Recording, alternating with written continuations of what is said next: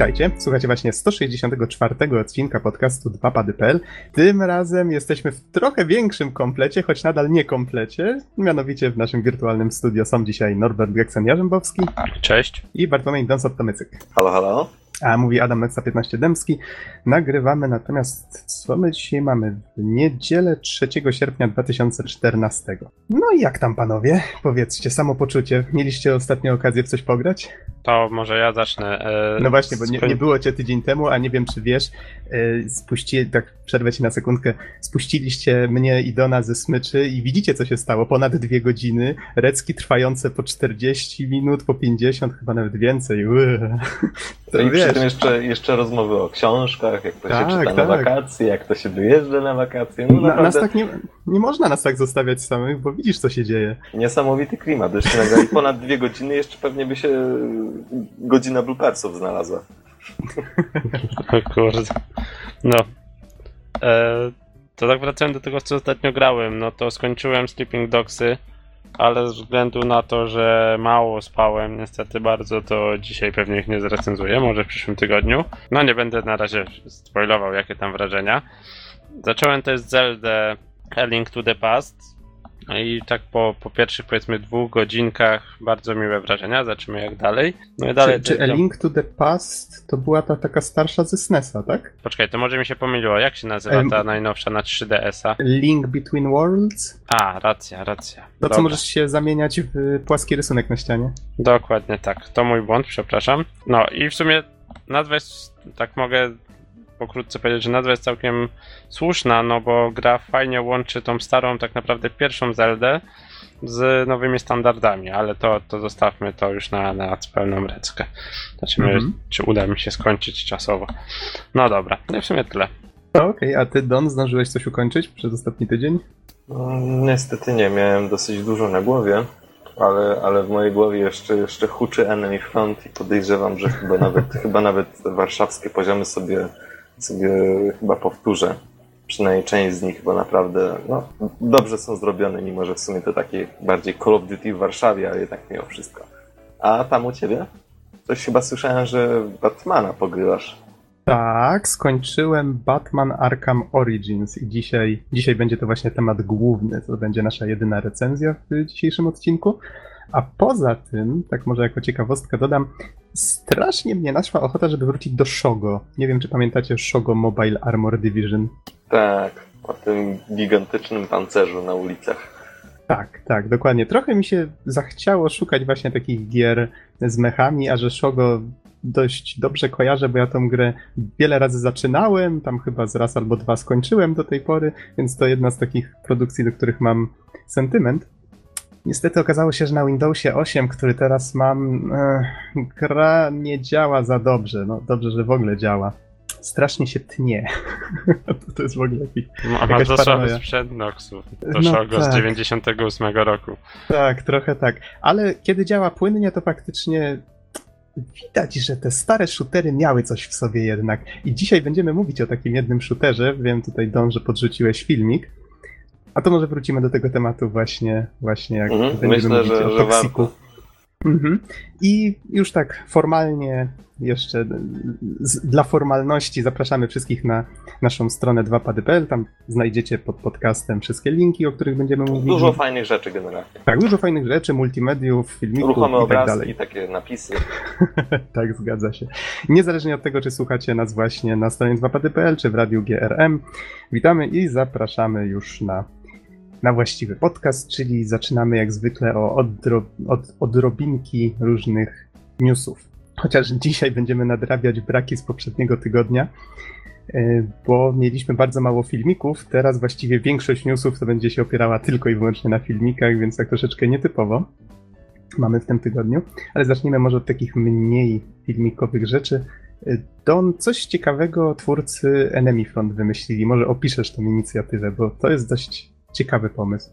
E, tak, w zasadzie szczerze powiedziawszy, mm, nie powiedziałbym, że oni do końca to wymyślili, dlatego że to wynika jakby z pewnego zwyczaju, który panuje e, w Warszawie, ale i także w pewnych częściach Polski. Może nie w całej, ale w niektórych miastach jest e, to e, jakby przeprowadzane. Mm, Oczywiście to, o czym mówię, wiąże się z rocznicą Powstania Warszawskiego. Jak wiemy, było to bardzo tragiczne wydarzenie, jeden z, właściwie największy zryw e, opozycyjny przeciwko niemieckim zbrodniarzom w ogóle w historii całej II wojny światowej, który zresztą wpłynął na, na losy tej wojny końcowe. I właśnie, no niestety w związku z tym, jak wszyscy wiemy, walczące miasto Warszawa zostało praktycznie w 80% zrównane z ziemią, a w ruinach zostało tylko tysiąc osób e, pod koniec e, powstania. E, I, e, i właśnie istnieje taki zwyczaj w Warszawie, on jest bardzo spektakularny i po prostu niesamowity, że każdego roku e, 1 sierpnia o godzinie 17 e, przez minutę mm, w całym mieście wyją syreny i po prostu wszyscy, łącznie z ruchem samochodowym, czy to e, komunikacją miejską, czy to osobami prywatnymi, czy też po prostu jeśli ktoś idzie pieszo, wszyscy po prostu się zatrzymują na minutę. e, i właśnie po to, żeby oddać hołd tym wszystkim bohaterom, którzy, którzy mieli okazję walczyć e, z, z Niemcami w próbie odbicia miasta. No cóż, ten zwyczaj jakby został, został e, wykorzystany przez e, twórców Enemy Front, czyli CI Games. Oni wymyślili taką bardzo fajną rzecz. Otóż, jeśli ktoś gra w Enemy Front właśnie 1 sierpnia o godzinie 17, e, to jego gra na dokładnie minutę e, się zatrzyma. I dostanie komunikat, że twoja gra e, jakby odbloku- odblokuje się za dokładnie jedną minutę, e, żeby sprawdzić dlaczego tak się stało, zajrzyj na grę, e, zajrzyj na stronę e, tam itwasn'tagame.com bez polskich znaków, bez specjalnych znaków jak apostrofy i bez spacji. E, I na dobrą sprawę e, to jest e, właśnie, właśnie taka próba, e, próba pewnego uczczenia też wszystkich tych, którzy, którzy w tym powstaniu walczyli, którzy oddali w nim życie. Już po prostu bez względu na to, co robisz, czy, czy gdzieś grasz, czy gdzieś jesteś, zastanów się przez jedną minutę e, i, i jakby no, pomyśl o tych wszystkich właśnie, którzy, którzy tam walczyli, którzy tam zginęli. Więc, więc wszyscy ci, którzy o godzinie 17 1 sierpnia grali w Enemy Front, gra się zawiesiła, jakby można powiedzieć, zawiesiła się na jedną minutę. I w ten sposób, w ten sposób szerzona jest jakby wiedza o, o tym niesamowitym wydarzeniu, spektakularnym bardzo, ale i też bardzo tragicznym, także zagraniczą. Oczywiście sama gra, jak, jak wszyscy wiecie po ostatnim podcaście, wywo- wywołała u mnie dosyć mieszane uczucia. Natomiast, natomiast ta akcja jest jak najbardziej godna podziwu i bardzo, no, bardzo wartościowa, dlatego że, no, dlatego że warto pamiętać e, o naszych bohaterach, warto pamiętać e, o ich spektakularnych sukcesach i ich tragicznych losach, zwłaszcza, że, zwłaszcza, że przez kilkadziesiąt lat e, sowieckiej okupacji w, całej Polsce ta pamięć była zacierana, wymazywana, niszczona, więc to nie jest nic dziwnego, że po prostu e, chcemy, by, by oddać naszym bohaterom choćby symboliczny hołd. Dlatego właśnie każdego roku o godzinie W zatrzymujemy się dokładnie na jedną minutę. E, No i myślę, że, że jest to bardzo fajna inicjatywa, więc zatrzymajmy się na tą chwilę, pomyślmy o tych wszystkich ludziach. Pamiętajmy. To tutaj w takim razie przechodząc już może dalej, bo tutaj zaczęliśmy od tego tematu przede wszystkim dlatego, że był powiązany bezpośrednio z tym, o czym żeśmy mówili poprzednio. Z kolei tutaj już przechodząc do bardziej growych, nawet troszeczkę, nawet troszeczkę takich historycznie growych kwestii. Nie wiem, czy wiecie, ale Game Boy skończył w tym roku 25 lat. Ten pierwszy taki mono. Stara cegiełka. to jest kawałek historii. I z tej okazji, e, a konkretniej z okazji tego, że 31 lipca, z tego co widzę w Stanach, e, to było w 1989 roku, on, e, on miał swoją premierę w Stanach, bo w Japonii to było w, widzę, w kwietniu tego samego roku. Z okazji właśnie tej amerykańskiej rocznicy serwis Overclocked Remix, no pewnie wiele osób go kojarzy, bardzo dużo e, zrzesza bardzo dużo e, osób remiksujących właśnie utwory, tworzących remiksy znanych lub mniej znanych gier, e, muzyki właśnie z nich. I stworzyli już 49 album, który tym razem jest w całości poświęcony właśnie muzyce z Game Boya. Jest tu bodajże 15 utworów e, z różnych gier, chociażby Castlevania też się znalazła, jedna. I ten album jest oczywiście dostępny zupełnie darmo, można go sobie pobrać, posłuchać, jest do tego dodana okładka, jak zwykle, więc jak najbardziej polecam. Bardzo fajna inicjatywa. Z kolei, co my tutaj mamy dalej? No dalej to tutaj już się zaczynają te filmiki właśnie, które wrzucimy pod podcast. Jeden z nich to jest e, zwiastun, właściwie nie tyle zwiastun, co filmik tłumaczący osobom z, głównie z zagranicy, o co chodzi z tą akcją, o której Don przed chwilą opowiedziałeś. Czyli właśnie It Wasn't a Game. Właśnie, to jest no, niesamowita akcja. Dla tych wszystkich ludzi w 1944 roku te wydarzenia były dalekie od bycia grą. Mówiąc krótko, takie jest podsumowanie tego, tej akcji, no i myślę, że, że są bardzo trafne. Nie, nie wiem, czy jak ty w ogóle zareagowałeś na, na tego typu e, komunikat, na tego typu akcje, bo z tego co wiem, nie jesteś za bardzo osobą, która się interesuje historią. Ciekawi mnie jakby twoje wrażenia i twoja reakcja. Znaczy, mnie podoba się sam pomysł tego, żeby w jakiś sposób pokazywać, mm, może nie tyle pokazywać, co promować. To też nie jest zbyt dobre słowo, ale chodzi mi o to, że ludzie spoza Polski niekoniecznie wiedzą, co to dla nas znaczyło, prawda? I wydaje mi się, że jeżeli jest taka akcja, która chociaż troszeczkę może im pokazać właśnie tą polską historię czy polskie y, zwyczaje, no to to jest zawsze coś fajnego, prawda? W ogóle myślę, że to jest też kolejny dowód na to, że jakby gry wideo też mogą do czegoś, dosłużyć do czegoś innego y, i że gry wideo też powoli jakby przestają być stricte grami że mogą na przykład służyć do uświadomienia czegoś, do pokazania czegoś, do, do zmuszenia do jakiejś refleksji, do pokazania jakiegoś zjawiska. No, naprawdę dużo możliwości czeka przed tym medium i myślę, że no, omawialiśmy na tym podcaście wiele gier, które, e, które na różne sposoby coś przekazują. Chociażby, nie wiem, Journey, Dear Esther, naprawdę jest tutaj wiele tego typu tytułów. I ja szczerze powiedziawszy życzę, życzę sobie i oczywiście Mm, wszystkim graczom, żeby tego typu gier było jak najwięcej, bo właśnie tego, tego typu produkcje e, pchają to medium naprzód. Mhm. A ja mam takie pytanie, bo mam wrażenie, że ten filmik sam sobie chodzi mi o tych ludzi stojących na ulicach i generalnie całą Warszawę zatrzymaną. On chyba nie jest stworzony przez CI Games, tylko on gdzieś został jakby przez nich wypożyczony. Nie, właśnie masz rację. To, to nie jest filmik ich autorstwa, to jest filmik z akcji, e, że istnieje takie miasto na świecie, które raz do roku musi na minutę się zatrzymać, żeby jakby ruszyć dalej. To jest akcja, która e, jest promowana właśnie w Warszawie, ale zresztą nie tylko, więc no, nie jest to ich filmik, ale bardzo ładnie został wkomponowany. Okej, okay, mhm. właśnie chciałem potwierdzić. To tutaj przechodząc dalej, y, nie wszystkie z tych filmików są nowe, ale nadrabiamy tutaj troszeczkę zaległości, może, może tak to ujmę. Na przykład teraz mam przed sobą zwiastun y, Assassin's Creed Unity, który wyszedł 29 lipca. No ten jeszcze nie jest tak stary, tutaj mieliśmy dość kilka starszych chyba gdzieś na liście. I jest to filmik, na którym pokazana jest, znowu jest to prerenderowany zwiastun, już kolejny po E3, co samo w sobie robi wrażenie. I jest to tym razem zwiastun, który przedstawia postać kobiecą e, Elis. Tutaj jest nazwana w tytule tego zwiastuna. Tak, wspominam o tym, dlatego że podniosła się, nie wiem czy pamiętacie, po E3 taka wrzawa, że o mój Boże, w Asasynie nie będzie postaci kobiecych, grywalnych w sensie. I, i tak nie wiem czemu, ale bardzo duży się podniósł lament e, o to, Dużo osób krytykowało Ubisoft na zasadzie, czemu nie możecie stworzyć modelu postaci kobiecej, żeby można było nią grać i tak dalej, i tak dalej. Nie chcę się tutaj zbytnio już wdrażać w dyskusję na ten temat. Ten zwiastun nagle sprawił, że ludzie zaczęli mówić: O, Ubisoft usłyszał nasze narzekania, więc teraz próbują się poprawić. E, do tego chciałbym się odnieść. Wydaje mi się, że stworzenie takiego zwiastuna to nie jest jednak, no ile minęło od E3?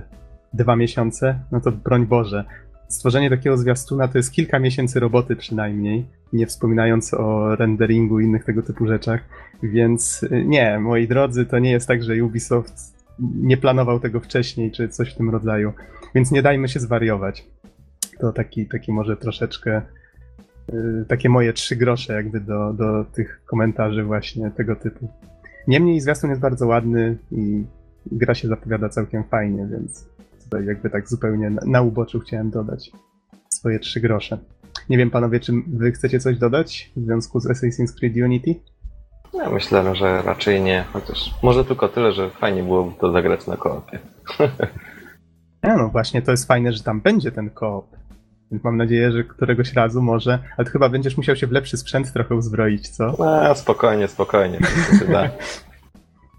No okej. E, Z kolei kolejna rzecz, którą, którą znalazłem w odmętach internetu. Wspominałem kiedyś o czymś takim jak Mega Man. Tak, Mega Man, znowu Mega Man. Mega Man Unlimited. Wiem, że wiecie, że lubię platformówki. E, To jest gra stworzona przez fana i wygląda tak jak te stare Megameny z Pegasusa, czy z NES-a właściwie.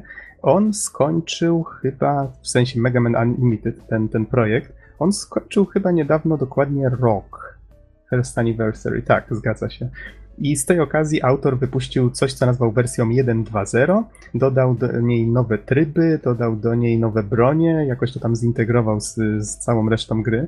Ja zacząłem w nią grać, nigdy jej nie skończyłem, ale faktycznie czuć w tym e, duszę Megamena, więc widać, że fan, fan serii włożył w to dużo serca. No i wydaje mi się, że jeżeli ktoś już grał albo chciał spróbować, no to teraz jest dobry moment, bo pojawiła się właśnie nowa wersja i autor chwali się tutaj, że 6 miesięcy wolnego czasu zajęło, zajęła mu praca nad właśnie nad tą grą. I całkiem fajnie, bo pamiętam, że rok temu Capcom sam się przyczynił do promowania tego tytułu, więc to nie jest tak, że zaraz wyskoczą i powiedzą, że nie, nie, nie możesz tego, tego trzymać w sieci, bo łamiesz nasze prawa autorskie i tak dalej. No, mi- miło z ich strony. Myślę, że teraz możemy przejść do tego, o czym wspominaliśmy wcześniej, czyli, no właśnie, Don, powiedz mi, co cię tak zaintrygowało w grze, która się nazywa Toxic?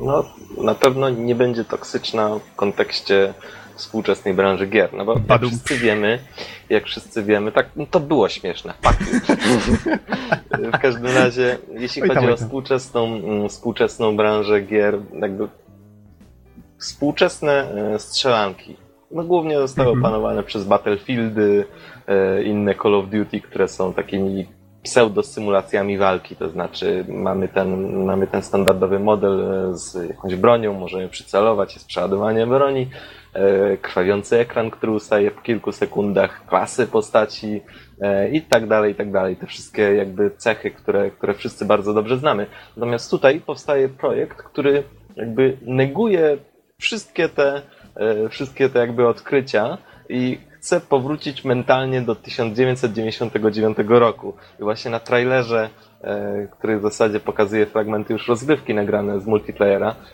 wyświetlane są bardzo takie no, znaczące hasła. No classes, no leveling, no cover systems, no reload, no iron sight shooting, czyli strzelanie tylko z biodra, no bullshit, only PC i jedno z haseł, które w sumie najbardziej pozytywne mi się wydało. No free to play.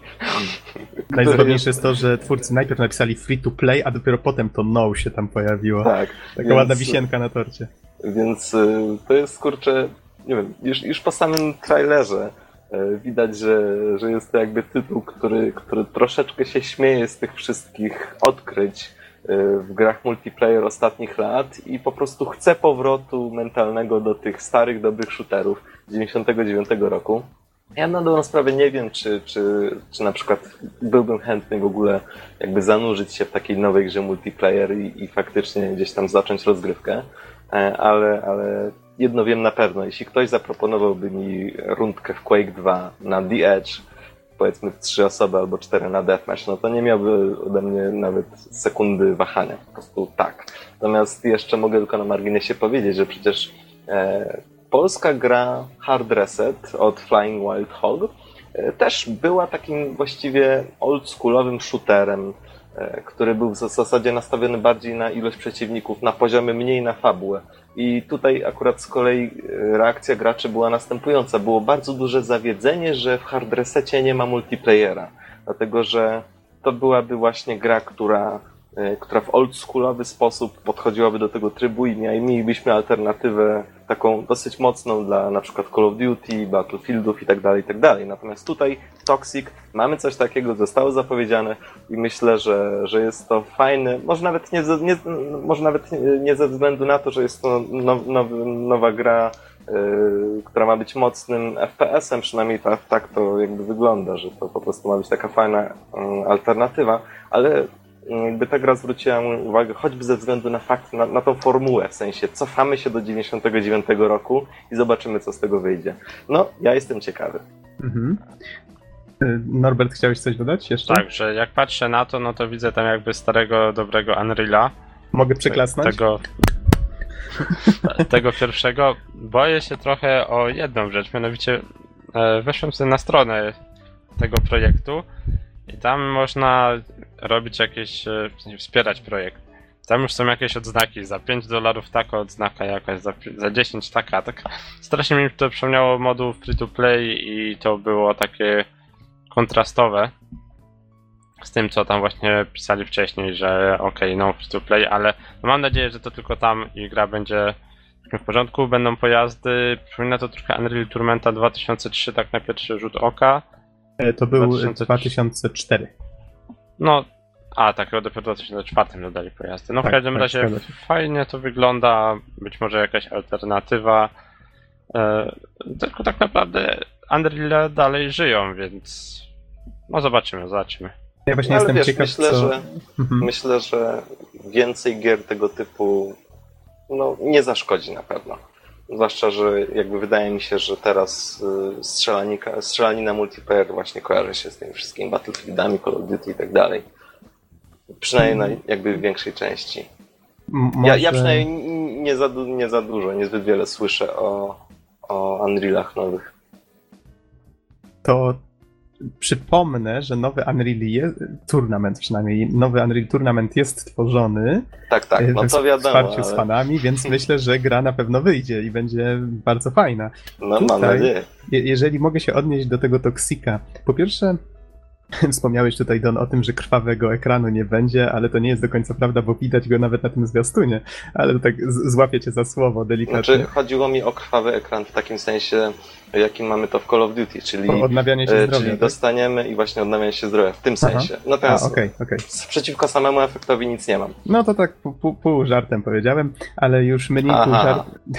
Okej, okay, to nie było śmieszne, ale... Nie no, było, fuck you. To było Ale y, już tak, czepiając się czegoś innego, twórcy tutaj mówią ten 1999. To było chyba w momencie, kiedy wyszedł pierwszy Unreal Tournament, prawda? I chyba Quake 3 Arena, ale tu wolę nie strzelić gafy, bo ja nigdy tą serią się aż tak nie interesowałem. Ale pamiętam, że to był podobny okres. I, tak, tak. I, i no tak jak już tutaj już Norbert wspomniałeś, to nie przypomina pierwszego Unreala w żadnym razie. To wygląda właściwie tak, a mnie przynajmniej takie, tak, na mnie takie wrażenie sprawiło, że to jest Unreal właśnie 2004, tylko ze zmienionymi skórkami. I widzę, że wiele osób w komentarzach też to zauważyło. To, to, to jest dość wyraźne, bym nawet powiedział. Nie, jest, nie jestem pewien, na jakim silniku ta gra powstaje, ale nie zdziwiłbym się, gdyby to właśnie był Unreal Engine. Z kolei te wszystkie mm, te cofnięcia się w rozwoju, tak, FPS-ów, co do tego nic nie mam. Tak jak wspomniałem na początku, chciałem tutaj wrócić do tego tematu przy okazji tego Shogo, bo sam zauważyłem grając właśnie w to Shogo, że Jezu, jakie to jest fajne, jak my po prostu latamy, nie musimy przeładowywać, strzelamy do wszystkiego, co się rusza i bez tych wszystkich właśnie upierdliwych dodatków, urozmaiceń, po prostu taka nieskrępowana zabawa ze strzelaniem do wszystkiego.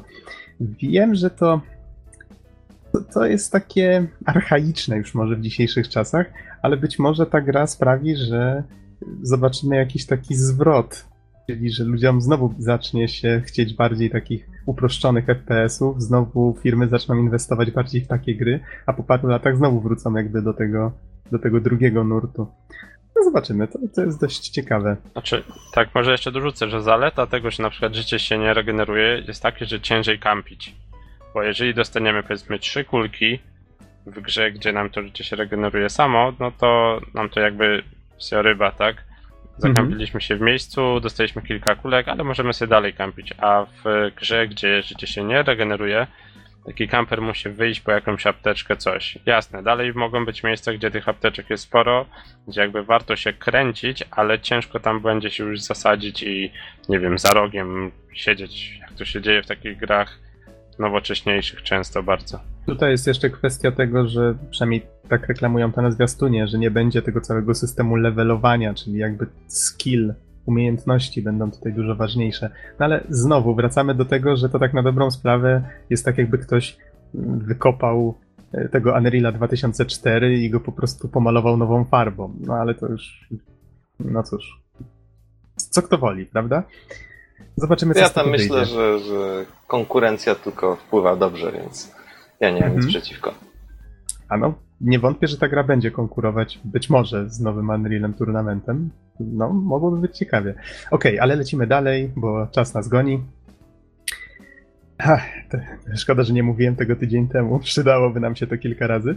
E, Czas nas goni. E, Mamy tutaj kolejny zwiastun i choć nikt z nas nie gra w LoL'a, czyli w League of Legends, to chyba przyznacie, że zwiastun nowy, który powstał, już chyba drugi z kolei, chociaż mogę się mylić, e, właściwie taki krótki film animowany w świecie Lola, właściwie z postaciami z Lola, bo ja tutaj nie orientuję się zbytnio, jak bogaty jest ten świat y, i ta dopisana historia do niego.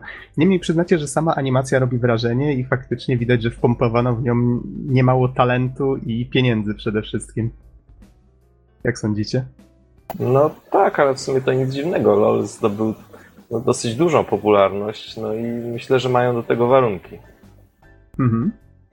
No niemniej polecam. Nawet jeżeli ktoś się nie interesuje LoLem, zobaczcie sobie całkiem, trzeba przyznać, solidny kawałek roboty. Jeszcze widzę, że jest dostępny filmik making of, więc jeżeli ktoś interesuje się w ogóle tworzeniem filmów e, animowanych, prerenderowanych, to tym bardziej myślę, że powinien się zapoznać. A skoro już o filmach mówimy, to widzę, że tutaj jest news na cityaction.pl związany z, i tu szkoda, że Bizona z nami nie ma, z Halo, a mianowicie z tym serialem, który już od jakiegoś czasu jest zapowiadany, czyli Halo Nightfall, który ma być e, produkowany przez Ridleya Scotta. I, I pojawił się zwiastun, właściwie nie, nie wiem czy zwiastun, czy taki pierwsza zajawka, nie, nie jestem pewien jak to nazwać. Niemniej widać już, już sceny, jak to, jak to będzie wyglądało. No, nikt z nas tu nie jest chyba aż takim dużym fanem Halo jak Bizon, więc szkoda właśnie, że go nie ma, bo by się troszeczkę szerzej może wypowiedział. Niemniej seri- akcja serialu ma się e, toczyć między czwartą a piątą odsłoną gry i tutaj cytując, w roli głównego bohatera osadzono Jamesona Locka. Koniec cytatu. No tutaj ja niestety nie, nie kojarzę dokładnie bohaterów, więc więc pozostawię jakby fanom te informacje. A to ma być na jakiejś historii związanej z tą główną fabułą gry, czy jakby osobna historia, jakiś Spartan na boku? Nie jestem pewien. Chyba żeśmy o tym mówili w trakcie, e, przy okazji E3 była mowa, że serial będzie wprowadzeniem do fabuły piątki, ale głowy nie dam. Chyba był taki wątek. No dobrze. Pytanie jeszcze, to- gdzie można ten serial obejrzeć, albo gdzie będzie można. A tego akurat nie wiem. Tutaj domyślam się, że będzie prawdopodobnie dystrybuowany cyfrowo, ale nie mam, nie mam żadnych informacji na ten temat. E, Jeżeli nie macie nic do dodania a propos tego serialu, to tutaj może przyspieszmy troszeczkę. Dwa zwiastuny nam dosłownie jeszcze zostały do końca newsów. Jeden to, no, dość często Bizon chociażby recenzował gry związane z Lego i pojawił się zwiastun kolejnej gry, mianowicie Lego Batman 3 Beyond Gotham. O, znowu coś o Batmanie, jak przyjemnie to. Tym razem twórcy idą już na całość i tym razem klocki Lego zabiorą nas już nie tylko do Gotham, tylko właśnie też z tego co widzę na zwiastunie będzie też e, Justice League, czyli Superman, Wonder Woman i cała reszta tych bohaterów z DC. No i akcja będzie się toczyła w kosmosie z tego co widzę, więc ju- ju- już tak idą jakby dalej z tymi bohaterami. Ja tak osobiście nie przepadam zbytnio zamieszaniem e, Batmana z Supermanem, no ale cóż. Ale oni, oni Mhm. potrafią sobie w kantynie bardzo zabawnie porozmawiać. A wiem o czym mówisz. To był, jak oni się nazywali? E, How It Should Have Ended. A. Bardzo dobra seria. Tam Tak, od, tak. od czasu do czasu pojawia się właśnie seria, pojawia się właśnie motyw z Batmanem, który rozmawia z Supermanem. E, Because I'm Batman. No właśnie. Myślę, że warto to wygooglać, bo naprawdę dobra komedia. Naprawdę świet, świetne, świetne motywy zostały Mhm. zaczerpnięte i naprawdę solidna robota. No to tutaj też się zapowiada właśnie taka parodia w stylu klocków Lego. No jak zwykle zresztą y, już trzeba przyznać, że twórcy znaleźli dawno temu tą formułę, która im pasuje i teraz jakby kolejna gra w podobnych klimatach. Z tego co widzę na zwiastunie, możemy się jej spodziewać na jesień 2014. Okej, i ostatni zwiastun to myślę, Don't, coś między innymi dla ciebie. Angry Video Game Nerd, nowy, nowy zwiastun filmu. A, i to jest właśnie jeden z tych starszych newsów, bo 24 lipca. Widzę tutaj na cdaction.pl. Yy, I przy okazji mamy też datę cyfrowej yy, premiery filmu i będzie to 2 września 2014. To jak? Król filmów klasy B? Jak sądzisz, Don? Czy wiesz, ja myślę, że, mm, że Angry Video Game Net już dawno znalazł formułę, która mu odpowiada.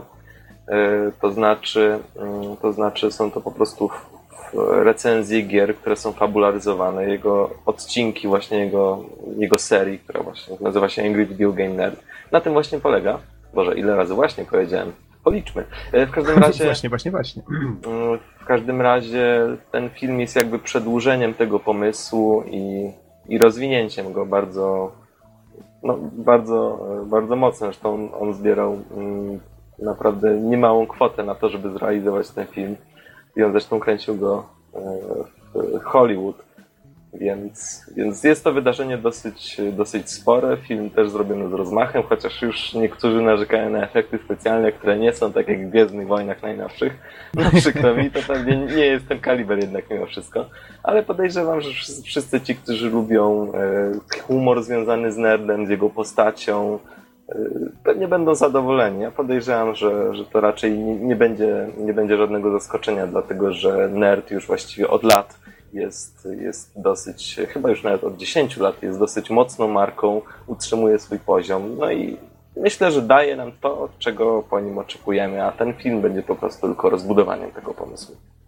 Mhm. Przy czym warto wspomnieć, że no cóż, to będzie film skierowany przede wszystkim do fanów nerda. Więc nie oczekuj i przede wszystkim do fanów takiego kina, właśnie tak jak wspomniałem, klasy B, bo to już tutaj mówiłeś o tych efektach i no to oczywiście celowa zagrywka. Niemniej wydaje mi się, że ktoś, kto nie zna nerda, mógłby się mocno odbić od, od tego, co, co tutaj stworzył. Tak, nawet po komentarzach. Nawet po komentarzach na CD Action po prostu widać, że ludzie nie łapią tego humoru, nie wiedzą za bardzo o co chodzi, dlatego że nie znają serii. Gdyby ją znali, to, to po prostu by to łyknęli od razu, natomiast no właśnie, tutaj jest to, to zagadnienie. Ale myślę, że i tak film będzie całkiem udany. Jeśli znacie nerda, jeśli lubicie nerda, no to pewnie obejrzycie i pewnie będziecie się dobrze bawić. Mhm. Okej, panowie, w takim razie myślę, że możemy śmiało przejść do tematu głównego, tak? Czy jeszcze macie jakieś propozycje, newsy, cokolwiek? Przejdźmy już do tematów głównych. Znaczy, to może zanim, to, to ja się pożegnam, bo już będę chyba leciał. Tak jak mówię, ciężko niewyspany jestem po dość ciężkiej pracy i jeszcze wczorajszej nocy z, z innymi tematami, więc no, Hmm, do, myślę, do że, myślę, że no, Norbert, Norbert jest Batmanem. Teraz właśnie leci ratować tam jakieś dziewoje w potrzebie, już jestem pewien. Nie, jesteś pewien, że to nie Duke Nukem? Oj, do know, do know. No dobrze, Norbert, to w takim razie nie trzymamy cię. Dzięki No. za udział. No na razie, cześć. No, trzymaj się w takim Cześć, razie. cześć. A wygląda na to, że znowu zostaliśmy w dwójkę na placu boju, To się źle skończy, Don, to się źle skończy. ale jakoś będę cię pilnować, spokojnie.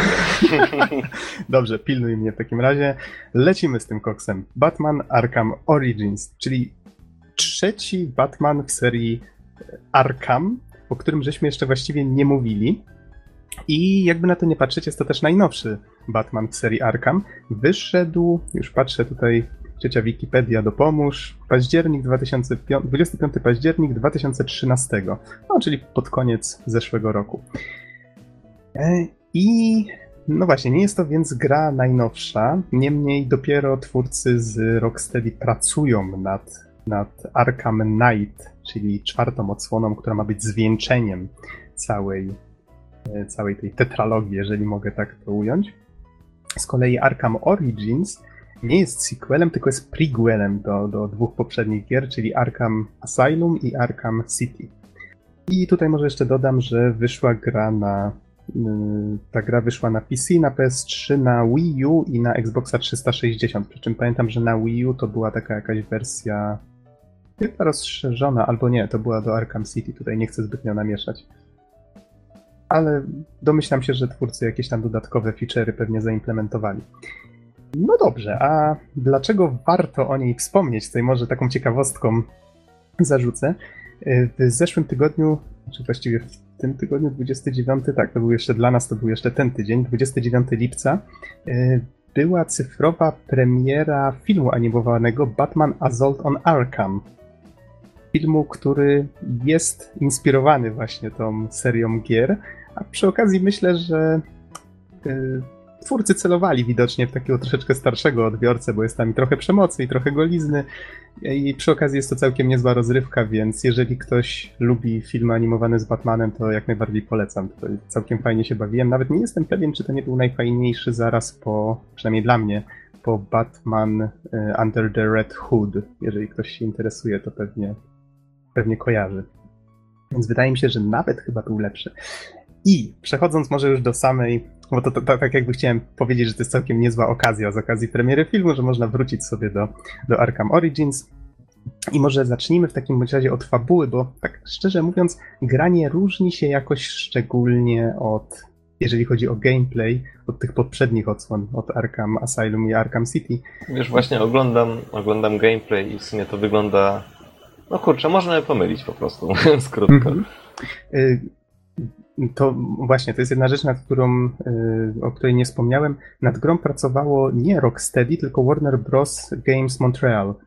Y, Czyli to- zostało troszeczkę tak zrobione, że kiedy Rocksteady zakończyło pracę nad y, Arkham City, domyślam się, że oni już wtedy planowali właśnie zwieńczenie wtedy jeszcze trylogii w postaci tego Arkham Knight i domyślam się, że chcąc mieć więcej czasu, no bo to już jest jednak taka gra na, na tą obecną generację, bardziej zaawansowana graficznie, chcieli prawdopodobnie mieć więcej swobody, więcej czasu i dlatego y, oddelegowali inne studio do tego, żeby robiło tę grę. Y, Pamiętam, że w momencie premiery bardzo dużo osób narzekało na bugi, wręcz pojawiały się recenzje, w których twórcy, znaczy autorzy tych recenzji pisali, że nie byli w stanie ukończyć gry ze względu na jakiś bug, który na przykład, a to tam chyba kasował save'a, czy, czy coś, coś w tym stylu się działo, że nie byli w stanie kontynuować. I posypały się strasznie złe noty. Dlatego tutaj od razu e, chciałem na wstępie powiedzieć, że ja grałem na, na Steamie teraz w najnowszą wersję ze wszystkimi najnowszymi patchami i innymi tego typu rzeczami i choć widać było jakieś drobne bugi, o których być może jeszcze wspomnę, to właściwie w grę gra się bardzo dobrze, nie, ma, nie było żadnych problemów, więc nie zdziwcie się proszę, że mówię o niej w jakichś superlatywach, bo po prostu gra się w nią y, w porządku. Nie, nie, jeżeli zauważyłem jakieś problemy, to zaraz o nich wspomnę. Przejdźmy może do, do samej fabuły, bo to jest najbardziej istotne. Tak jak wspomniałem, gameplay właściwie nie różni się zbytnio od, od poprzednich części. Y, Fabuła przenosi nas 5 lat przed Arkham Asylum, do właściwie takiego okresu, kiedy Batman, mm, to chyba było nazwane Year 2 y, przez niektórych, czyli właściwie taki okres, kiedy już nie jest takim kompletnie początkującym bohaterem, tylko już troszeczkę, troszeczkę się wdrożył w to bycie Batmanem i, y, i, i jakby zaczyna sobie robić coraz więcej wrogów w Gotham. Mamy tutaj święta Bożego Narodzenia, czyli takie klimaty, które kojarzą mi się osobiście e, trochę z, z tym takim starym filmem e, Batman Returns. To był bodajże też tam walczył z pingwinem i, to też było w takich właśnie świątecznych klimatach. Czyli mamy tutaj Gotham pokryte śniegiem, śnieg pada, sypie, jakieś lampeczki gdzieś tam w oknach, y, w motywach muzycznych, które pojawiają się w grze, czasami jakieś dzwonki słychać. To, to taki fajny klimat No, Joker w stroju świętego Mikołaja.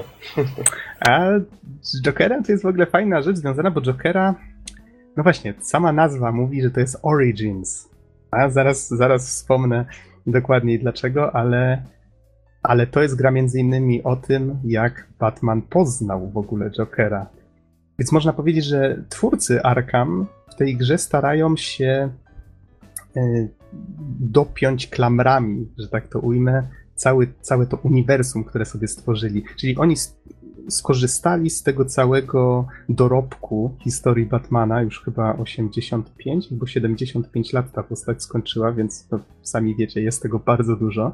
I dalej kopie tyłki. I dalej kopie tyłki, dokładnie.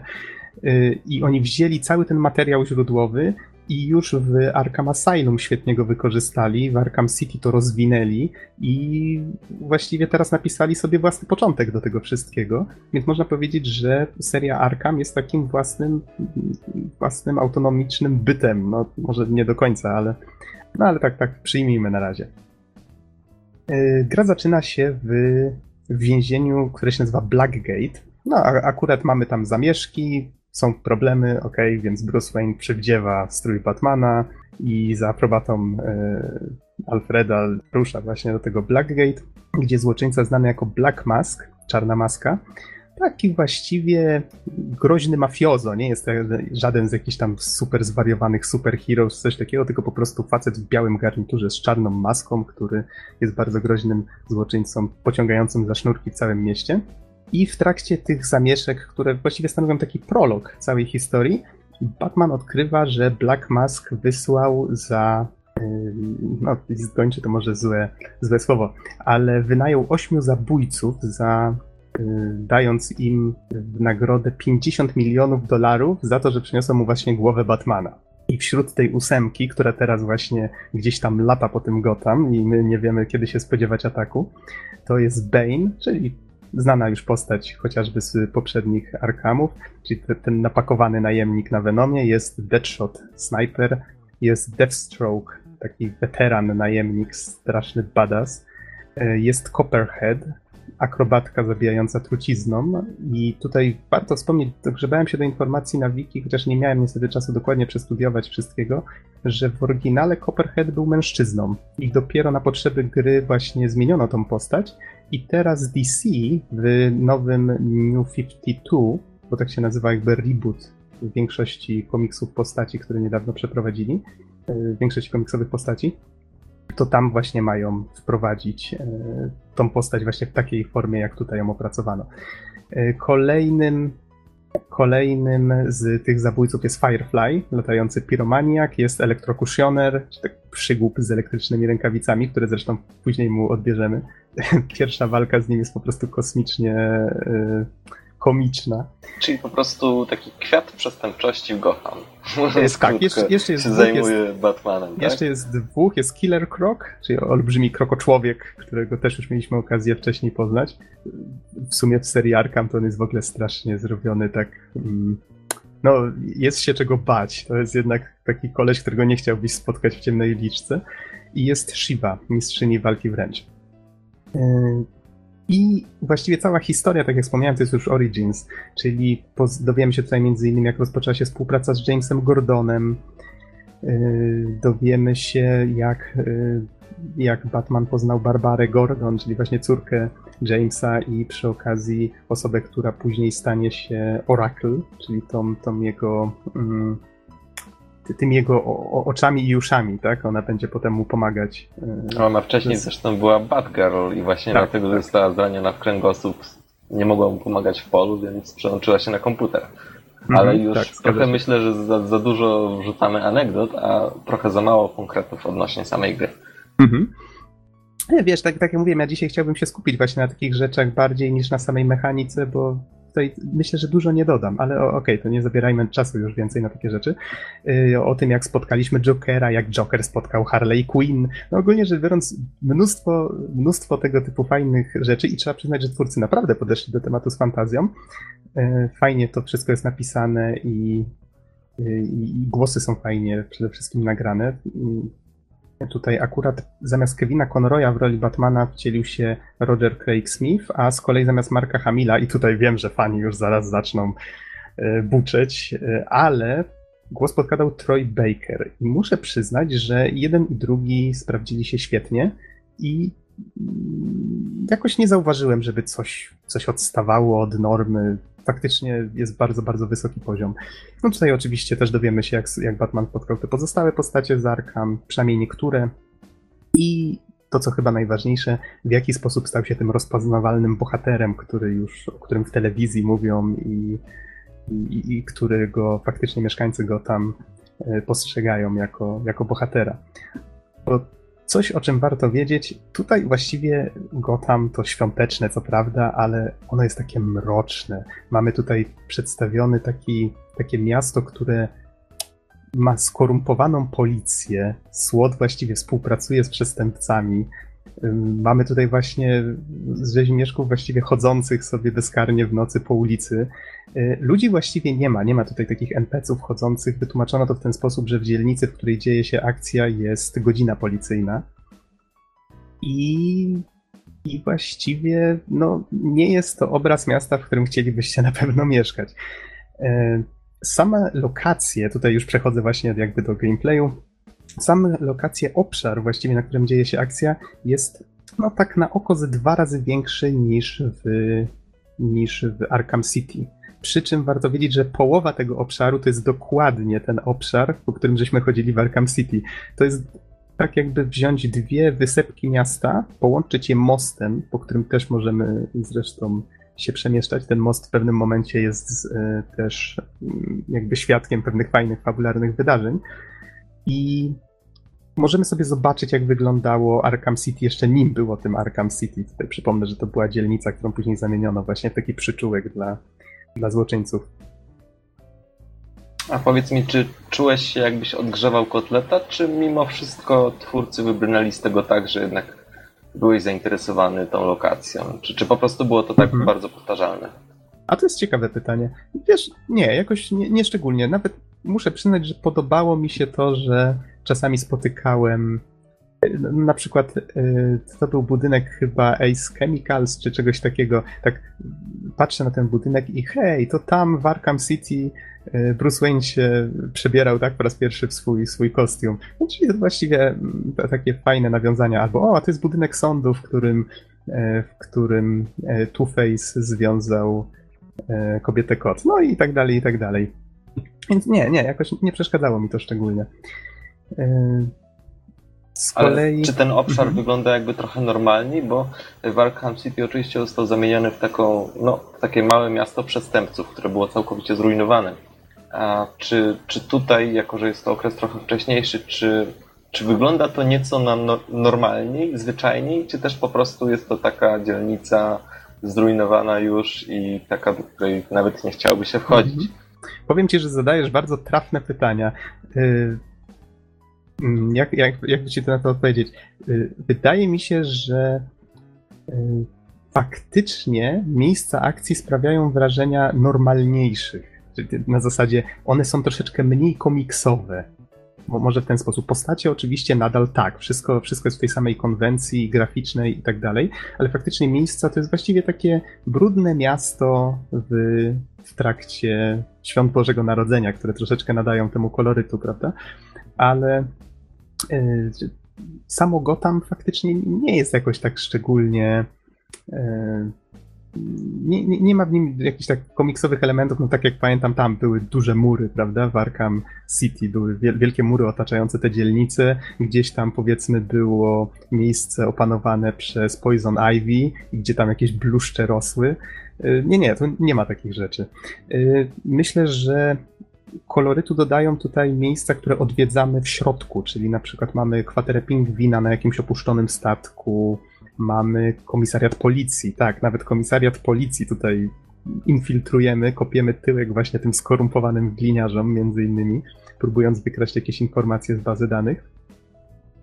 E, no, dość powiedzieć, że to nie jest tak, że Batman spotyka się z Gordonem i hej, bądźmy przyjaciółmi. Nie, nie, tutaj Gordon jest praworządnym kliniarzem, jednym z nielicznych chyba na tym komisariacie, który faktycznie chce robić dobrze i postrzega Batmana jako tego, tego złego, czyli właściwie gościa, który działa poza prawem i bardzo mu się to nie podoba. Z kolei sam Batman nie szuka sprzymierzeńców, jest właściwie taki zapatrzony w siebie, pewny tego, że sam wszystkie problemy świata rozwiąże, no i tutaj Alfred też też zwraca mu na to uwagę, mówiąc, że Bruce nie, to nie jest tak, że, że jakikolwiek człowiek na świecie jest wyspą, do którego nie ma żadnej, do której nie ma żadnego dostępu. No to takie, takie właśnie fajna, fa, fajna chemia jakby między tymi wszystkimi postaciami tutaj panuje. E, odwiedzimy tutaj też na przykład Gotham Royal Hotel i, i, inne lokacje, o których może tutaj nie będę więcej mówił, ale, ale one są dość zwyczajne, niemniej fajnie zaprojektowane, zawsze są szczegółowo wykonane. Mnie się bardzo podobały. E, co dalej? W mieście oprócz, oczywiście możemy śledzić fabułę, możemy się poruszać po tym mieście za pomocą, e, za pomocą jak się nazywał, to był Batwing, czyli tego naszego samolotu takiego. Jeżeli tylko odblokujemy takie anteny, które blokują sygnał, to wtedy możemy się połączyć z Batwingiem i właściwie za pomocą takiego systemu szybkiej podróży wybrać zawieź mnie tam i wtedy właściwie lecimy samolotem w odpowiednie miejsce, więc nie, nie ma tutaj jakby problemu z tym, że musimy gdzieś tracić czas, choć e, miejsce jest dość, mm, lokacja jest dość spora. A jeszcze jedno pytanko mhm. właśnie a propos tej szybkiej podróży. Bo wiesz, w sumie mm, ja rozumiem dwa razy, większa, mm, dwa razy większy świat i tak dalej, ale z tego co pamiętam już w Arkham City, mimo tego, że lokacja była no całkiem spora, to przemieszczanie się było bardzo sprawne i kurczę, sprawiało wiele radości. Więc teraz zastanawiam się, czy ten system szybkiej podróży nie koliduje w pewien sposób jakby z tym przemieszczaniem się no, może nie na piechotę, ale za pomocą mhm. właśnie tego płaszcza, który mógł służyć jako lotnia, czy haka, który z wystrzeliwanego z liną. Mhm. Po prostu wykorzystywanie tego środku transportu było niesamowicie fajne i pozwalało na, na zebranie jakichś tam znajdek. No i generalnie no, po prostu było świetne, więc czy to koliduje z tym systemem szybkiej podróży? Powiedziałbym wręcz, że trochę ratuje sytuację, bo ten system, o którym mówisz, czyli E, to szybowanie między wieżowcami właśnie za pomocą peleryny, rozpędzanie się za pomocą tego haka z linką, to wszystko tutaj jest e, i to nadal jest bardzo, bardzo fajne, tylko wszystko zmienia ten cholerny most, który jest pomiędzy tymi wyspami, czy tam wyspami, czy dzielnicami, no nazwijmy to tak, bo ten most to jest właściwie takie, nie wiem, 30 sekund, może trochę więcej, samego właściwie przed siebie lecenia i, i rozpędzania się. Dlatego gdybym miał za każdym razem przebywać tę drogę bez pomocy tego, tej szybkiej podróży, no to nie byłoby to zbyt przyjemne. Jak się zorientowałem, mhm. że faktycznie mogę skorzystać z tego samolotu, no to wtedy między tymi dzielnicami już wolałem podróżować faktycznie za pomocą samolotu, a potem, a potem co najwyżej gdzieś, gdzieś dolecieć już samemu. Wydaje mi się, że to mogło być podyktowane w jakiś sposób wydajnością. No może musieli po prostu ograniczyć trochę te, te obszary. E, Okej, okay. na tych. Op- tutaj jeszcze przejdę do jednej rzeczy związanej z linką, która wydaje mi się po części wadą, chociaż tak w cudzysłowie, ale to, to pod koniec. E, są zadania poboczne. Tak jak zwykle. Tutaj mamy na przykład zostawione paczki przez człowieka zagadkę gdzieś po całym mieście porozsiewane, czyli powiedzmy sobie szczerze, że zwykłe znajdźki, ale one są czasami bardzo pomysłowo pochowane. Musimy wykorzystywać wszystkie gadżety, których Batman jak zwykle ma mnóstwo. Tutaj mamy Właściwie, może nie będę wszystkich wymieniał, one w dużej mierze są odpowiednikiem tego, co już było, czyli mamy batarangi, mamy e, potrójne batarangi, albo mm, na przykład kiedyś to był chyba to, to był chyba e, kanister z substancją, która zamrażała różne rzeczy, tak? No to tutaj mhm. został zastąpiony kanistrem z klejem, jakimś takim specjalnym. I tak dalej, i tak dalej. W większości to jest właściwie to samo. Nie jestem w stanie powiedzieć, bo już dość dawno grałem w te poprzednie, e, czy dodano coś naprawdę nowego. Wydaje mi się, że nie było wcześniej tych rękawic e, elektro, elektrokuszonera, czy jak on się tam nazywał. E, czyli właśnie tych rękawic, które Paralizatora w rękawicach. Coś w tym stylu, bo to działa mniej więcej w ten sposób, że gdy walczymy, to nabijając kombo, w pewnym momencie ładuje nam się też taka bateryjka. Możemy wtedy wcisnąć obie gałki i wtedy postać zadaje obrażenia dużo silniej, bo one jednocześnie właśnie kopią prądem wszystkich przeciwników. Chyba wtedy, nie jestem pewien, tutaj mogę skłamać, ale nie jestem pewien, czy się wtedy dalej nabija mnożnik. Chyba tak, ale nie, nie jestem pewien. Nie, nie, nie chwytajcie mnie za słowo, proszę. Y, w każdym razie nadaje to walce takiego fajnego dynamizmu. Na zasadzie, okej, okay, okej, okay, leje się, leje się, leje się i to nie jest tak, że już tylko jeżeli idzie nam bardzo dobrze, to idzie nam jeszcze lepiej, tylko jeszcze mamy szansę, jeżeli walka trwa dość długo, no to możemy ją sobie przyspieszyć, włączając właśnie ten bajer i wtedy wszystkich roz, rozwalamy właściwie na, w cudzysłowie na kawałki dużo, dużo szybciej. E, walka oczywiście jest tak samo dynamiczna i fajna jak w poprzednich. System właściwie się nie zmienił, jest tak samo, tak samo fajny. Więc jeżeli ktoś jest zainteresowany szczegółami, to myślę, że mogę tutaj odesłać do recenzji Dona e, Arkham City albo wcześniejszej mojej recenzji e, Arkham Asylum. No dobrze, co tutaj było jeszcze z tych zadań dodatkowych? Niestety nie zdążyłem ze wszystkimi się zapoznać. Dość dużo wolnych miejsc w menu mi zostało do odblokowania, bo to jest tak, że niektórych rzezimieszków, niektóre czarne charaktery pełnią tutaj w całości e, rolę drugo, drugoplanową. Zepchnięto ich właśnie z tego wątku głównego do wątków pobocznych. Człowiek zagadka jak zwykle robi właśnie za, za taką osobę, bo on ma te wszystkie znajdźki, które jak znajdziemy, to możemy go ostatecznie przyskrzynić. Y, część z tych y, morderców, tych zabójców właśnie wynajętych, niektórzy z nich przynajmniej, oni też są właśnie do tych zadań pobocznych przesunięci. Y, czasami jest tak, że jakaś postać jest troszeczkę w tym głównym wątku, troszeczkę właśnie w tym pobocznym. W pobocznych na przykład spotykamy tutaj mm, anarchistów i postać zwaną Anarchy i on tutaj pod pozorem, że Gotham jest skorumpowane, podkłada w różnych miejscach bomby i musimy je rozbrajać. Mamy tutaj też niszczenie na przykład skrzynek z bronią, które bodajże dla pingwina tam były rozstawiane w różnych miejscach. Y, chociaż są też takie fajne questy, jak na przykład Mad Hatter, czyli szalony kapelusznik ma taki quest, że możemy tam właściwie nie ma już żadnych znajdziek czy innych takich rzeczy. Po prostu on nas zaprasza do swojego sklepu, mówi, że tam porwał jakąś dziewczynę i, i chce wyzwać, powiedzmy, Batmana na pojedynek. No możemy go tam odwiedzić i mamy tam taki krótki scenariusz właśnie, króciutki, ale bardzo fajnie zrobiony, e, z, związany właśnie z, z tą postacią. On, I tak podobnie tak dalej, wystąpi, tak on podobnie wystąpił na przykład w Arkham City, też miał jakby osobną misję związaną z nim tylko, ale też świetnie rozwiązaną pod względem scenariusza. Mhm. No dokładnie. Innymi słowy, to jest jakby rozwijanie tego, co już było. Niestety nie ukończyłem tego wszystkiego na 100%, więc nie potrafię powiedzieć, czy to jest lepsze, czy to jest gorsze niż było poprzednio. Na pewno w grze jest nadal co robić.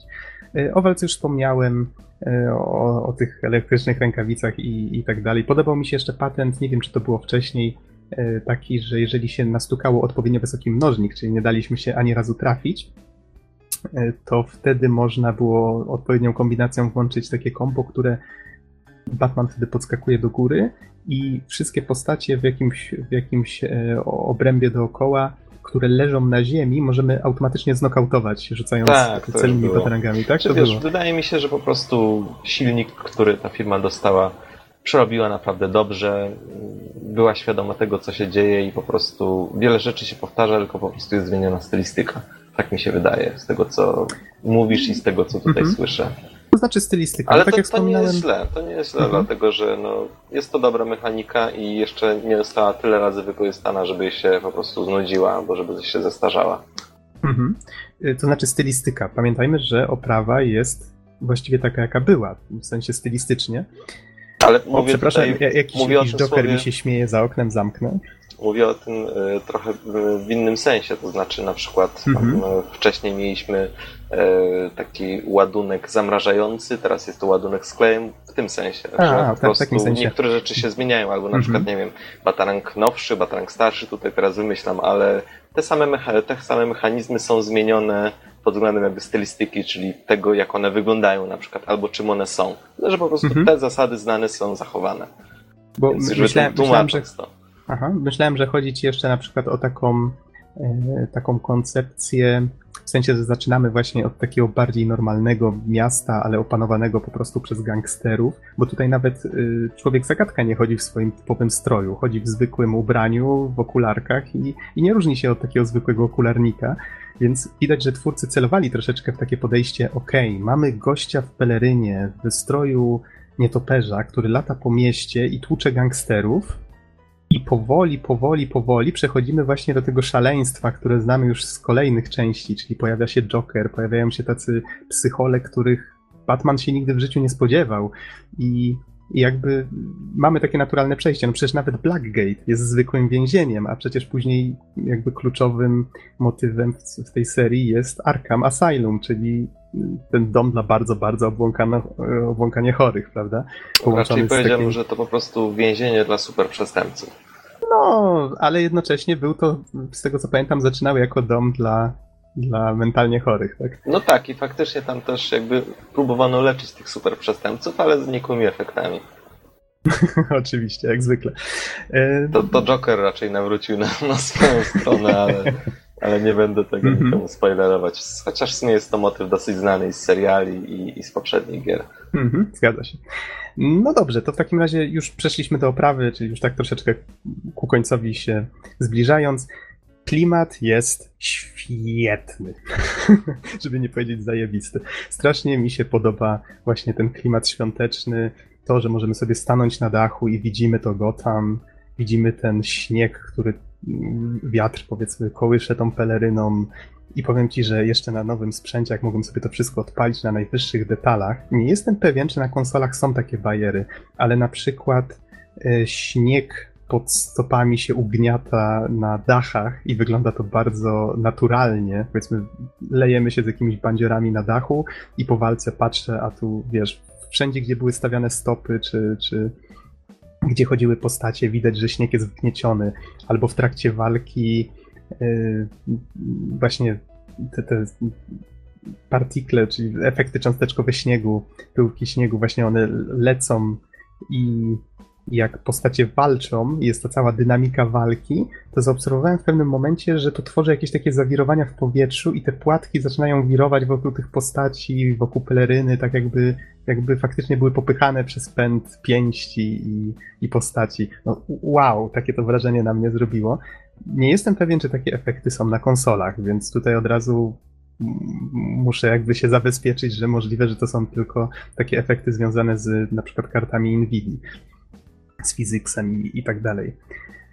E, To tak samo jak w poprzednich e, częściach, tak samo tutaj twórcy bardzo fajnie podeszli do kwestii muzyki, która znowu fajnie buduje napięcie, czyli na przykład jak mamy scenę skradankową, no to standardowo zaczyna się jakiś fajny motyw w tle, ale jeżeli już na przykład położymy jednego gościa na łopatki, reszta tego nie zauważyła, muzyka nagle zaczyna się robić trochę intensywniejsza. Potem kolej, z kolejnymi gościami robi się jeszcze intensywniejsza i tak napięcie fajnie rośnie.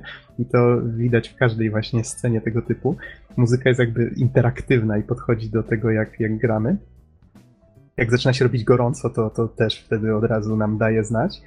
No i tak jak wspomniałem, tutaj mamy te świąteczne akcenty czasami też, które fajnie, fajnie tutaj grają ze wszystkim. Z minusów zdarzały się drobne bugi. Już nie pamiętam dokładnie jakie. Pamiętam jeden, że w trakcie jakiejś walki przeciwnik dosłownie wniknął w ścianę i zaczął frunąć do góry. nie, nie, I Przypomina mi się Blair Witch 3. w pewnym momencie ulokował, już- ulokował się w jakimś miejscu nad drzwiami, tak że nie byłem w stanie go po prostu pokonać niczym. To był największy supervillain, powstał w ten sposób. Wallman, człowiek ściana. Nie byłem w, ścianie, w stanie go ani Nie żadnym... byłem w ścianie go. Nie byłem, sta- nie byłem w ścianie. O Jezu, nie byłem, ale pan, pan not intended, tak? Nie byłem, w, nie byłem w stanie go ani klejem, ani, ani żadnym patarangiem, niczym go nie byłem w stanie zdjąć. Musiałem cofnąć się do poprzedniego checkpointu i dlatego tak mi jakby zapadło w pamięć ten bug. E, I coś, co teoretycznie bugiem nie jest, ale wydało mi się strasznie dziwne, mianowicie ze względu na odległości, jakie są między budynkami, no a w tej chwili już mamy ten obszar dość spory, zwiększono zasięg linki z hakiem, tak żeby można było na przykład trafić na przykład y, krawędź budynku wysokiego nad nami, albo y, jakiegoś budynku, do którego lecimy, jest dość daleko. Jesteśmy w stanie faktycznie się chwycić takiego miejsca i wykorzystywać tą linkę tak jak do tej pory. Problem pojawia się wtedy, jak jesteśmy w jakimś zamkniętym pomieszczeniu. No niech to będzie hall hotelu albo banku. Nie są to miejsca duże, ale tak jak do tej pory faktycznie mogliśmy się poruszać po tych gargulcach gdzieś tam pod sufitem i przestępcy nie zwracali na nas uwagi, no chyba, że mieli noktowizory. Tak tutaj twórcy popełnili według mnie dwa błędy. Po pierwsze, powinni ograniczyć trochę zasięg tej linki właśnie w takich miejscach, bo dochodziło do takich kuriozalnych sytuacji, że ja z jednego miejsca holu byłem w stanie zaczepić się o gargulca, czasami zupełnie przypadkiem, który był po drugiej stronie holu i postać tak zabawnie ciągnęła po podłodze kilka metrów, czasami nawet przed oczyma gości, którzy patrolowali. I oni tego nie zauważyli, i ja po prostu wtedy. Ach. nie wiedziałem się, czy śmiać, czy płakać. Because I'm Batman. Because I'm Batman, no tak, to, to właściwie na, na to już nie ma kontrargumentu. E, I drugi błąd, który myślę, że popełnili właśnie z tymi samymi skradanymi elementami, dość często się zdarza, no bo okej, okay, w Arkham Asylum można założyć, że kolorystyka była powiedzmy jakaś tak mm, tak, tak, specjalnie zrobiona, żeby człowiek myślał, że okej, okay, tutaj prawdopodobnie jest dużo ciemniej, ale żebym cokolwiek widział w tej grze, to twórcy to rozjaśnili. Ale można było przyjąć, okej, okay, tu jest bardzo ciemno pod tym sufitem. Z kolei tutaj zdarzają się miejsca, tak jak właśnie w tym hotelu czy na komisariacie policji, kiedy jesteśmy w pomieszczeniu, które jest dobrze oświetlone. I my nadal nie jesteśmy przez te postacie zbytnio widoczni, chociaż y, huśtamy się między tymi gargulcami jak szaleni i każdy człowiek powiem, nie mający jakiejś super wady wzroku byłby w stanie zobaczyć, że ktoś tutaj fruwa nad tym sufitem. No ale tak jak wspomniałeś tydzień temu przy okazji Enemy Front, y, ciche zabójstwa i skradankowe sekcje i tak dalej w grach to jest konwencja, czyli załóżmy, że to wszystko jest po to, żeby gameplay jakby trzymał się kupy i pod tym względem to spełnia swoje zadanie. Niemniej zwróciłem na to uwagę, więc to już nie jest jakby zbyt dobrze, no. Ale to myślę mała wada, no nie przeszkadza to w grze w żadnym wypadku. I właściwie dwie ostatnie rzeczy, o których warto wspomnieć. Jedna to jest to, że gra ma multiplayer, którego niestety nie zdążyłem sprawdzić. Nawet nie jestem pewien, czy, ben, czy byłbym w stanie, bo w grę grałem wykorzystując Steam Family Sharing, więc mogłem zagrać. Być może multiplayer w ogóle jest od, odcięty właśnie od mojego zasięgu, bo gram po prostu w grę, którą znajomy posiada na swoim koncie. Z kolei zdziwiło mnie, bo wszyscy mówią, właściwie w zasadach jest tak opisane, że DLC w Steam Family Sharing nie działa. Z kolei wyszło jedno popularne DLC, które się nazywa Cold Cold Heart. Serce, serce z lodu, no nazwijmy tak, nie jestem pewien jaka jest polska wersja. I i zdziwiło mnie to, że byłem w stanie zagrać i ukończyć to DLC, mimo właśnie tego Steam Family Sharing. No ale skorzystałem z okazji i powiem ci, że naprawdę bardzo, bardzo fajne jest. I ono kosztuje chyba, z tego co patrzyłem, a przynajmniej kosztowało w dniu premiery chyba w kwietniu tego roku, już patrzę. Tak, to był 22 kwiecień 2014. Yy, kosztowało bodajże z 8 euro. Coś koło tego. Dodało kilka godzin do rozgrywki. Normalnie przejście gry zajęło mi bez przejścia wszystkiego na 100% oczywiście. Tak skupiałem się głównie na fabule. Tak z 15 godzin. Tu jeszcze chyba z 3 godzinki udało się twórcom dorzucić. Jest to takie czysto fabularne DLC, w którym dodano jeszcze trochę znajdziek mm, pobocznych, niemniej fabuła jakby tutaj gra główne skrzypce i dorzucony jest tutaj wątek Mr. Freeze. E, czyli... A, to jest godna postać, naprawdę, jeden z moich ulubionych. To myślę, że ten dodatek bardzo by Ci się spodobał, bo jest fajnie zaprojektowany, taki właściwie taki epizod, który myślę, że nie sprawdziłby się tutaj zbytnio jako takie zadanie poboczne bo mamy tutaj historię, która się już nie dzieje w trakcie Świąt Bożego Narodzenia, tylko na Nowy Rok, czyli jakby troszeczkę później. I już Bruce Wayne mógł ochłonąć trochę po ostatnich wydarzeniach i w swojej, e, w swojej willi, czy, czy właściwie w tym Wayne Manor, e, przyjmuje, a właściwie wręcza, wręcza nagrodę dla niejakiego, już tutaj patrzę w notatkach, Ferisa Boyla, dla osoby humanitarnej roku. I w pewnym momencie wpada właśnie Mr. Freeze z ludźmi pingwina i, i zabiera tego Ferisa, porywa go. I tutaj nie dość, że mamy fajnie, bo mamy początek w, Bruce, e, w, domu Bruce'a, czyli tutaj są, wszędzie są goście zaproszeni na, na tą uroczystość wręczenia tej nagrody, a przy okazji my tu jakoś musimy się przedostać do tego Batcave, musimy zdobyć ten nasz, ten, ten nasz sprzęt, kostium, e, skopać tyłki. Potem akcja przenosi się znowu właśnie do e, tej nowej dzielnicy, tym razem e, nie, nie, właśnie tej starej, z, znanej z Arkham City, tylko z tej zupełnie nowej. Ona jest odcięta od, od reszty e, ścianą lodu. No i wszędzie się właśnie kręcą ludzie pingwina z działami zamieniającymi w lód. Tutaj jedną z takich znajdziek jest przy okazji to, że możemy policjantów w ten sposób unieruchomionych później e, uwalniać, jak już się uzbroimy w coś, co jest strasznie badasowskie. Mianowicie gdzieś tak od połowy, nie, nie liczyłem dokładnie, ale gdzieś tak załóżmy od połowy tego dodatku, e, trafia nam w ręce zupełnie nowy kostium, który został tutaj nazwany bodajże X-Suit od Extreme Environment, czyli taki właściwie pancerz wspomagany do do pracy w ekstremalnych warunkach. Wygląda trochę jak, jak taki, jakby wziąć kostium Batmana i dać go Tonemu Starkowi, żeby zrobił z niego jakiś taki totalnie badasowski strój. Widać jakieś takie elektryczne części hydrauliczne wystające, widać różne takie grzałki rozgrzewające, żeby właśnie dało się wytrzymać w jakichś ekstremalnie niskich temperaturach i tak dalej, i tak dalej. Strasznie, Batman. strasznie... Misja na Marsa. Powiem ci, strasznie duże wrażenie na mnie zrobił ten kostium. Świetnie wygląda i już jak człowiek faktycznie rusza do walki w tym kostiumie, on już zaczyna wyglądać wtedy jak ten e, jak ci Space Marines z Warhammera, taki wiesz, jeszcze większy bysio to już, o mój Boże, to, to faktycznie robi wrażenie. No, przynajmniej mój wewnętrzny dziewięciolatek był w niebo wzięty.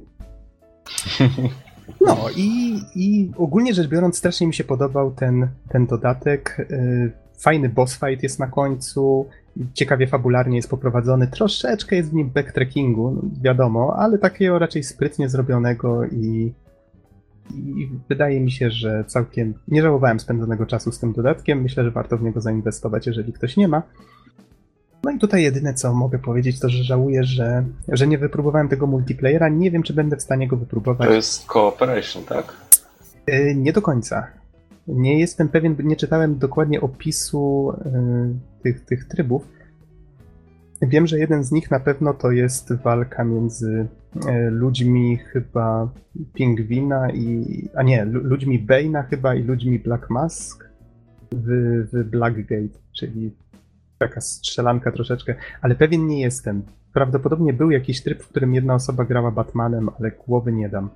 Więc nie jestem pewien, czy w kolejnych odcinkach podcastu zrecenzuję. Prawdopodobnie nie, bo jak, jak wiecie, nie mam zbytnio czasu na granie w gry multiplayer.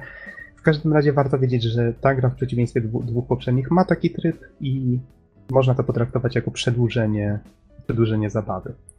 No dobrze, Dom, powiedz, czy masz jakieś pytania w takim bądź razie? Myślę, że jak zwykle wyczerpałeś temat. E, no i ciekawie, ciekawie mi się słuchało tej grze właściwie ze względu na fabułę. E, Dla, bo, dlatego właśnie bo, skupiłem się na niej. Bo w, sumie, bo w sumie mechanika z tego co widzę jest to dokładnie to samo. Mhm. E, I, no, nie ukrywam, że Joker jest w zasadzie jedną z moich ulubionych postaci w tym uniwersum. I, i naprawdę chyba zagrałbym w tę grę nawet y, wyłącznie po to, żeby poznać historię Jokera. Więc my, myślę, że, mhm. myślę, że warto, zwłaszcza że, zwłaszcza, że powiedziałeś, że twórcy no, podeszli do tego z fantazją i z dużą dozą talentu. No więc myślę, że, że po tej grze można się spodziewać dokładnie tego samego, co poprzednich, czyli mocnej dawki fabuły, mm, dobrze opracowanej, no i oczywiście świetnego gameplayu, który już mhm. się sprawdzi zresztą w dwóch poprzednich odsłonach. Nie, nie, wspomniałem o tym, ale walki z bossami są strasznie fajne. No ale to myślę, że się rozumie samo przez się, jak się ma tylu, tylu zabójców i tyle możliwości, prawda? Nie, niektóre mhm. z nich są, są naprawdę bardzo efektowne i, i no, pompują adrenalinę. Ostatnia rzecz, o której warto wspomnieć, ja już chyba wiem, kim będzie Arkham Knight. Ale nie będę tutaj się wypowiadał na ten temat. Y, powiem tylko, że twórcy prawdopodobnie, bo oczywiście pewności nikt nie ma, nawiązują do tego w scenie, która się chyba po napisach pojawiła. No ale to już będziecie musieli odkryć sami. No dobrze, myślę, Don, że w takim bądź razie możemy kończyć podcast. Czy tak? Tak. Dobrze, w takim razie dziękujemy wszystkim bardzo za uwagę i do, I usłyszenia, do usłyszenia w następnym, w następnym podcaście. Tak, zgadza się. Cześć, trzymajcie się.